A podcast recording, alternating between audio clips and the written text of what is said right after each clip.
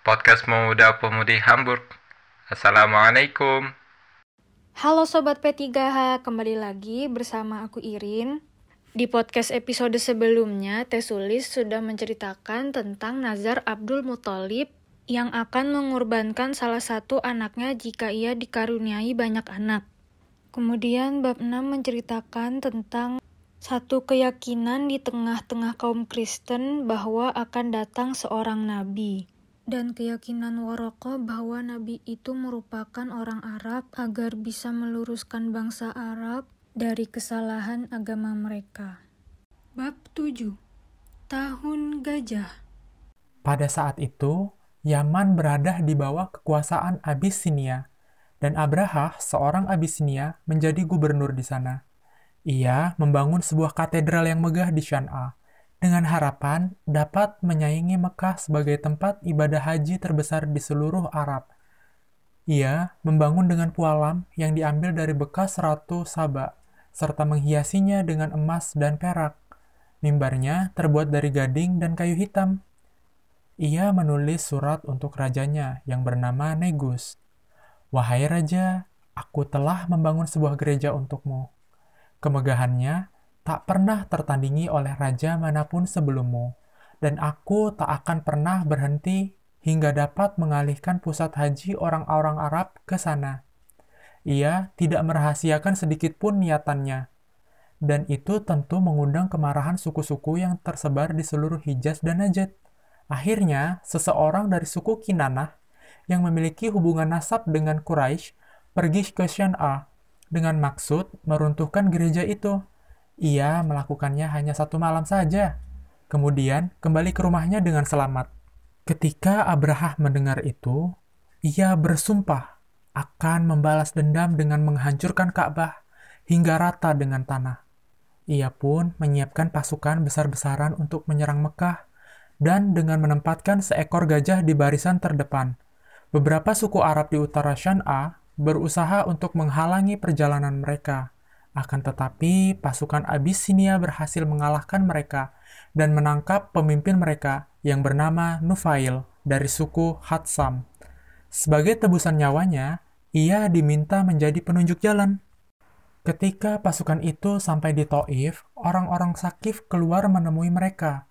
Orang-orang Sakif khawatir apabila Abraha keliru menghancurkan kuil mereka yang bernama Alat karena dikira Ka'bah. Mereka segera menjelaskan kepadanya bahwa ia belum mencapai tujuan. Mereka juga memberi penunjuk jalan untuk mengantarkan pasukan tersebut. Meskipun telah memiliki Nufail, Abraha menerima tawaran tersebut. Akan tetapi, penunjuk jalan itu meninggal dalam perjalanannya. Kira-kira dua mil dari Mekah, di sebuah tempat yang dikenal dengan nama Mugamis, dan ia dikuburkan di sana. Belakangan, orang-orang Arab selalu melempari kuburan itu dengan batu, bahkan orang-orang yang tinggal di sekitarnya tetap melakukannya hingga sekarang. Abraha berhenti di daerah Mugamis dan mengirimkan pasukan berkuda ke daerah pinggiran Mekah mereka merampas apa saja yang mereka temukan sepanjang perjalanan dan mengirimkan hasil rampasannya kepada Abraha, termasuk 200 unta milik Abdul Muthalib. Quraisy dan suku-suku yang lain di sekitarnya mengadakan sebuah pertemuan dewan perang. Mereka memutuskan bahwa percuma saja mereka melawan serangan musuh. Sementara itu, Abraha mengirimkan seorang utusan ke Mekah untuk menemui pemimpin mereka di sana. Ia berpesan bahwa mereka datang bukan untuk berperang, melainkan hanya ingin menghancurkan Ka'bah. Dan jika ingin menghindari pertumpahan darah, maka pemimpin Mekah harus menemuinya di kemah pasukan Abyssinia. Sebenarnya, tidak ada pemimpin resmi untuk semua suku Quraisy, setelah seluruh hak-hak istimewa dan tanggung jawab kepemimpinan telah dibagi di antara keluarga Abdul Aldar dan keluarga Abdul Manaf. Akan tetapi, sebagian besar masyarakat Mekah beranggapan bahwa pemimpin mereka adalah orang yang secara de facto memang mengemban fungsi kepemimpinan. Kali ini, utusan itu diantar menghadap Abdul Muthalib, yang kemudian bersama seorang putranya mengikuti utusan tersebut ke perkemahan.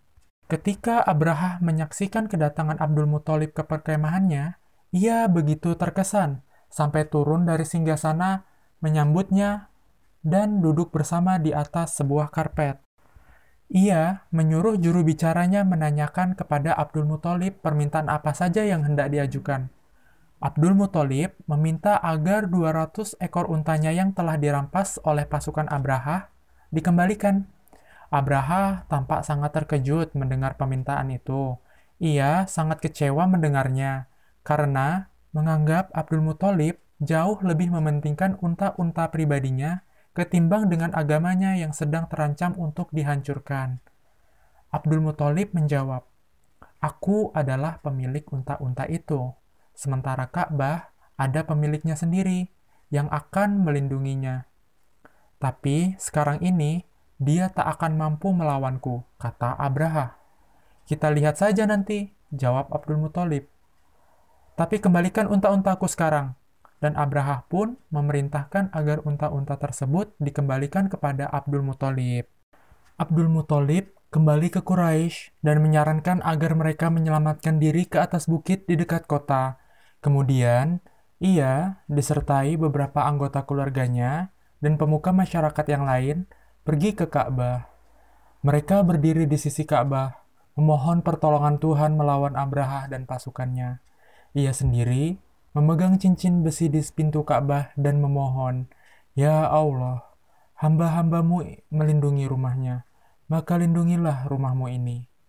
Setelah memanjatkan doa, ia bersama dengan yang lain kembali ke atas bukit, di sebuah tempat yang memungkinkan mereka melihat apa saja yang terjadi di kota. Keesokan harinya, Abraha bersiap-siap memasuki kota untuk menghancurkan Ka'bah. Dan setelah itu, kembali lagi ke Shan'ah melalui jalan yang mereka tempuh sewaktu datang. Si gajah, yang diperlengkapi senjata, berada di barisan terdepan. Pemandunya, Unaish, segera mengarahkannya berjalan menuju Mekah. Akan tetapi, Nufail, sang tawanan penunjuk jalan, selalu berjalan bersama Unaish dan telah mempelajari aba-aba yang dimengerti oleh sang gajah tersebut. Saat Unaish memberikan aba-aba agar gajah itu bangun, Nufail mendekati telinga besar sang gajah dan memberikan komando untuk duduk berlutut. Dengan sangat mengejutkan dan mencemaskan Abraha dan pasukannya yang lain, gajah itu pun perlahan-lahan kembali berlutut ke tanah. Unaish menyuruhnya untuk kembali berdiri akan tetapi, kata-kata Nufail yang masuk berbarengan ke telinga gajah itu lebih dekat dan lebih berpengaruh, sehingga ia tak mau bergerak lagi. Pasukan Abraha melakukan segala cara untuk menggerakkan kaki si gajah tersebut, sampai mereka memukul kepala dan mukanya dengan besi. Akan tetapi, ia tetap diam bergeming. Selanjutnya, mereka mencoba strategi lain dengan menyuruh seluruh pasukan berbalik arah dan berjalan beberapa langkah menuju Yaman – Gajah itu pun mau berdiri, berbalik, dan bergerak mengikuti mereka. Dengan penuh harap, pasukan berbalik ke arah lagi, dan gajah itu pun mengikuti mereka. Namun, ketika mengarah ke Mekah, gajah itu segera duduk kembali berlutut. Sebenarnya, itu sudah pertanda yang sangat jelas bahwa mereka tak akan berhasil maju selangkah pun. Namun, Abraha telah dibutakan oleh ambisi pribadinya atas kejayaan tempat ibadah yang dibangunnya dan oleh nafsu untuk menghancurkan saingan besarnya. Jika mereka kembali lagi ke tempat kediamannya, mereka pasti akan luput dari sebuah bencana besar. Tetapi mereka telah terlambat.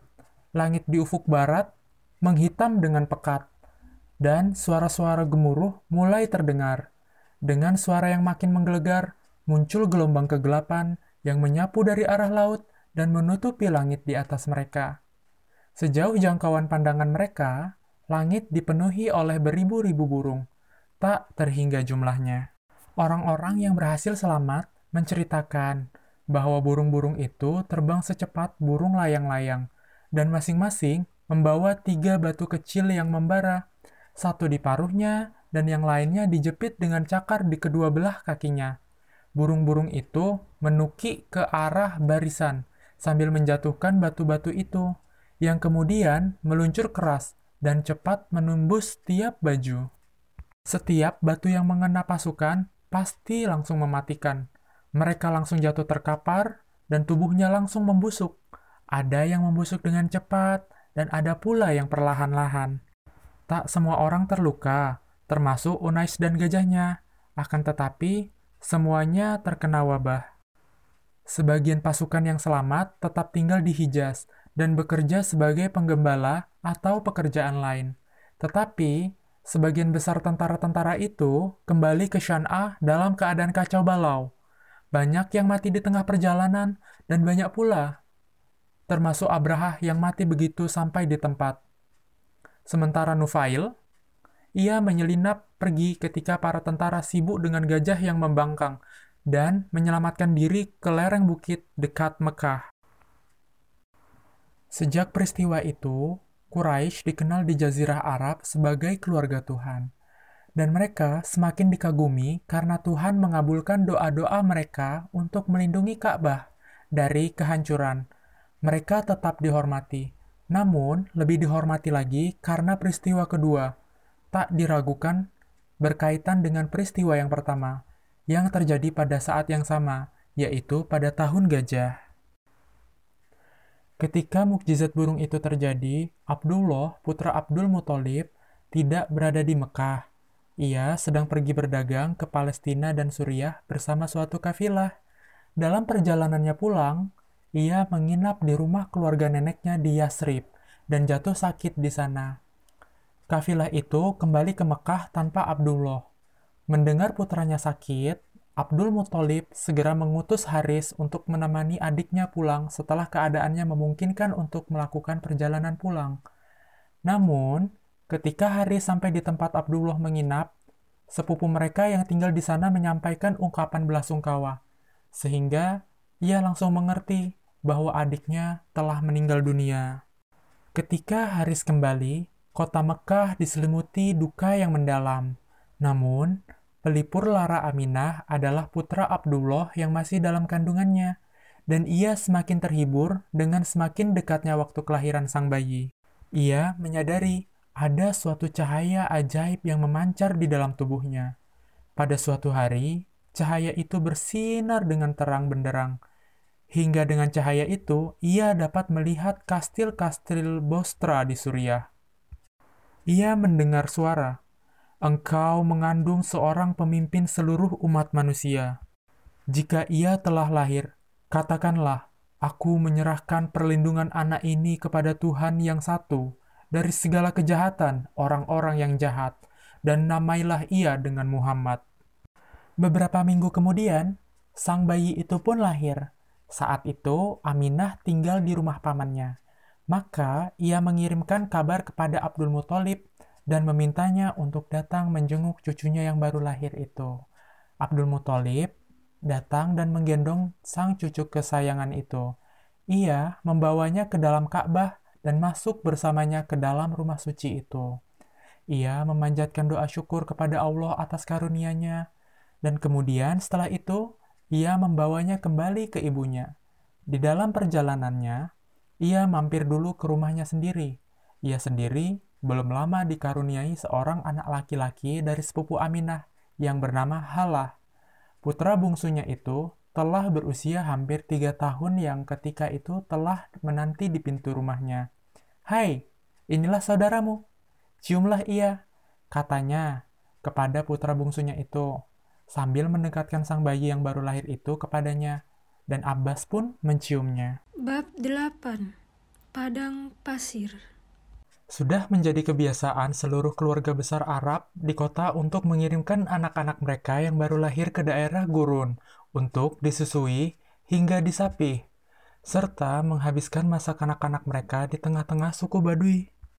Tak terkecuali Mekah, apalagi sejak musim wabah penyakit dan tingginya angka kematian bayi di sana. Tapi, Bukanlah semata-mata udara segar Sahara yang mendorong mereka mengirimkan anak-anak mereka ke sana. Itu memang berguna untuk jasmani mereka, akan tetapi gurun pasir juga memiliki manfaat bagi perkembangan jiwa. Kaum Quraisy baru-baru ini memulai hidup menetap, yaitu sejak Kushai memerintah kaumnya membangun tempat tinggal di sekitar Ka'bah. Sebelumnya, mereka hidup secara nomaden. Hidup menetap mungkin memang tak terhindarkan, namun cara hidup seperti itu berbahaya. Gaya hidup nenek moyang mereka adalah pengembara, tinggal di tenda-tenda dan sering kali berpindah-pindah. Pengembaraan dan kebebasan adalah dua hal yang tak terpisahkan. Di padang pasir, seseorang sadar bahwa dirinya adalah penguasa suatu tempat, dan dengan kesadaran itu, ia terhindar dari keterikatan dengan waktu. Dengan membongkar tendanya, ia meninggalkan kehidupan yang kemarin dan menetap hari esok dengan pasti. Sedangkan seorang penduduk kota adalah seorang tahanan, menetap di suatu tempat yang sama kemarin, sekarang, dan yang akan datang, hanya menjadi bulan-bulanan waktu, menampung segala keburukan. Perkotaan adalah sarang kecurangan. Kemalasan dan hura-hura tersembunyi di balik dinding-dindingnya, siap untuk setiap saat merenggut dan menghilangkan ketajaman penglihatan serta kewaspadaan manusia. Segala sesuatu membusuk di sana, termasuk keindahan bahasa, suatu hal yang sangat menentukan kualitas dari seorang jati diri manusia. Sebagian orang Arab dapat membaca, tetapi keindahan berbahasa merupakan dambaan bagi setiap orang tua terhadap anak-anak mereka. Nilai seseorang umumnya dilihat dari kefasihan dalam bertutur kata, dan puncak kefasihan itu adalah puisi. Mempunyai seorang penyair hebat adalah kebanggaan bagi se sebuah keluarga, dan penyair-penyair terkenal hampir selalu berasal dari suku-suku padang pasir, karena bahasa sehari-hari mereka memanglah puitis. Maka dari itu, tali ikatan dengan padang pasir harus selalu diperbaharui dalam setiap generasi yang baru lahir. Udara segar untuk pernafasan, bahasa Arab yang fasih untuk lidah, kebebasan bagi jiwa. Anak-anak Quraisy dipelihara di padang pasir Sahara hingga delapan tahun, agar kebiasaan itu lebih membekas di dalam jiwa-jiwa mereka, meskipun sebenarnya beberapa tahun saja sudah cukup. Beberapa suku memiliki reputasi yang baik dalam menyusui dan mengasuh anak, di antaranya adalah Bani Sa'ad ibnu Bakar, suku Hawazin terpencil yang tinggal di sebelah tenggara Mekah. Aminah ingin mempercayakan putranya untuk diasuh oleh seorang wanita dari suku tersebut. Mereka biasanya datang secara periodik kepada kaum Quraisy untuk menawarkan pengasuhan yang akhir-akhir ini memang sering dibutuhkan.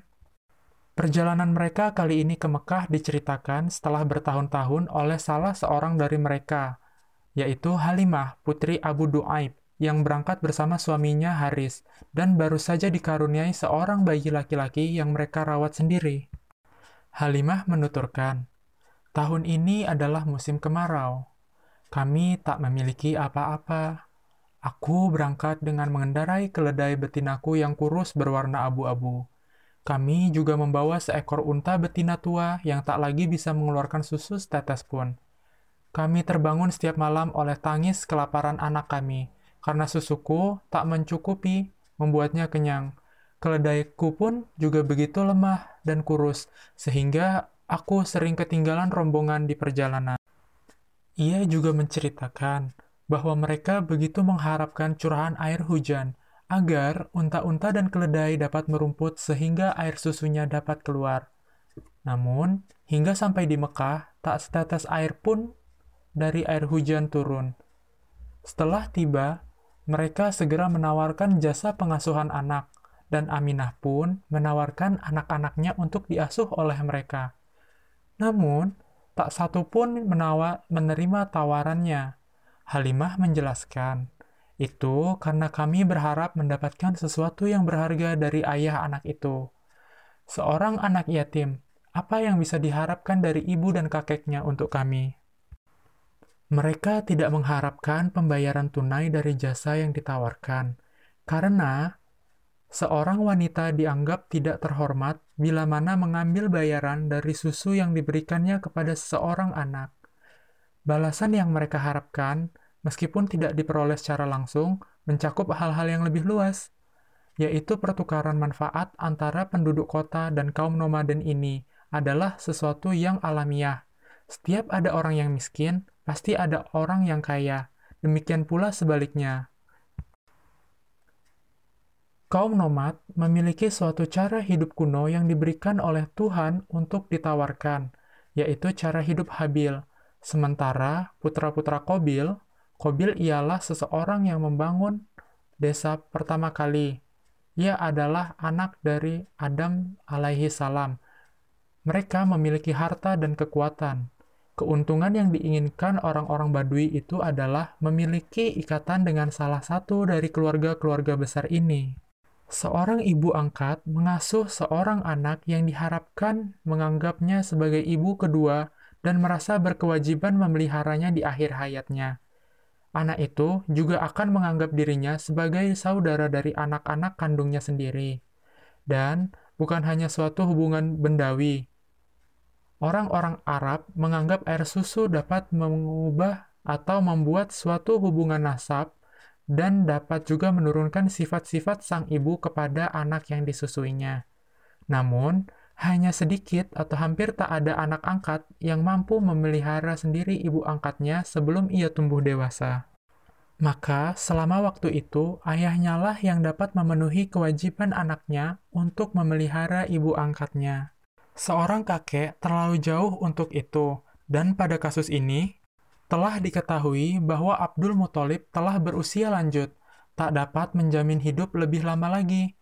Jika ia suatu waktu meninggal, putra-putranya lah yang akan menerima hak warisannya, dan bukan cucunya. Sementara Aminah adalah wanita miskin, lalu si anak sendiri, ayahnya masih terlalu muda untuk mendapatkan banyak harta. Ia mewariskan kepada putranya tidak lebih dari lima ekor unta, sejumlah anak domba dan kambing, serta seorang budak perempuan.